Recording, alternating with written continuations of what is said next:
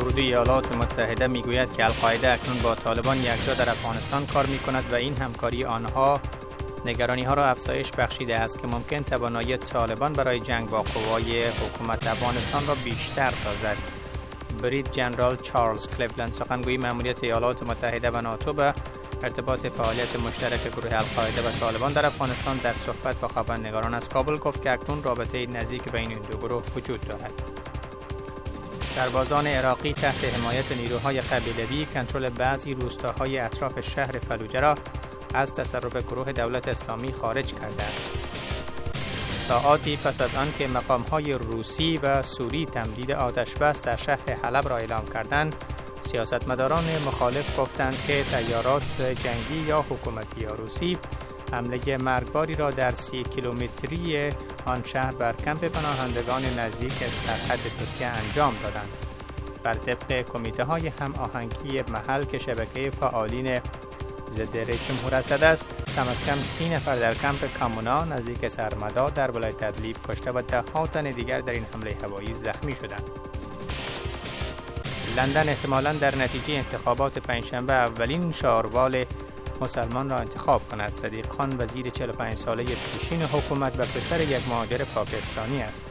به نظر می رسد صدیق خان در انتخابات به پیروزی رسیده است و در نظر مسلمانان بریتانیایی این پیروزی نقطه عطفی است. اینکه صدیق خان برنده یا بازنده می شود مسلمانان بریتانیایی رسیدن وی را به موقعیت کاندید پیشتاز در رقابت های انتخاباتی نشانه نفوذ فزاینده سیاسیشان در کرسی پیشین یکی از امپراتوری های بزرگ جهان می‌بیند.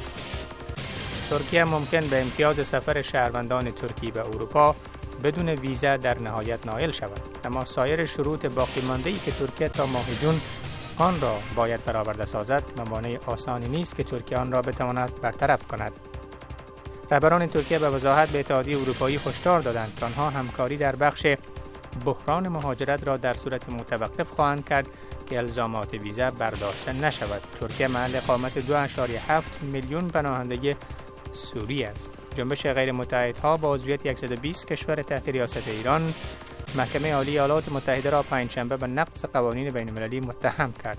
این جنبش می‌گوید که آن محکمه به پرداخت حدود دو میلیارد دلار دارایی راکت شده ایران و قربانیان حملات مرتبط با آن کشور را حکم کرده است و نیروی بحری نایجریا پنجشنبه گفت که تندروان بر تأسیسات نفتی ساحلی متعلق به شرکت نفتی بین المللی شفرون حمله کردند.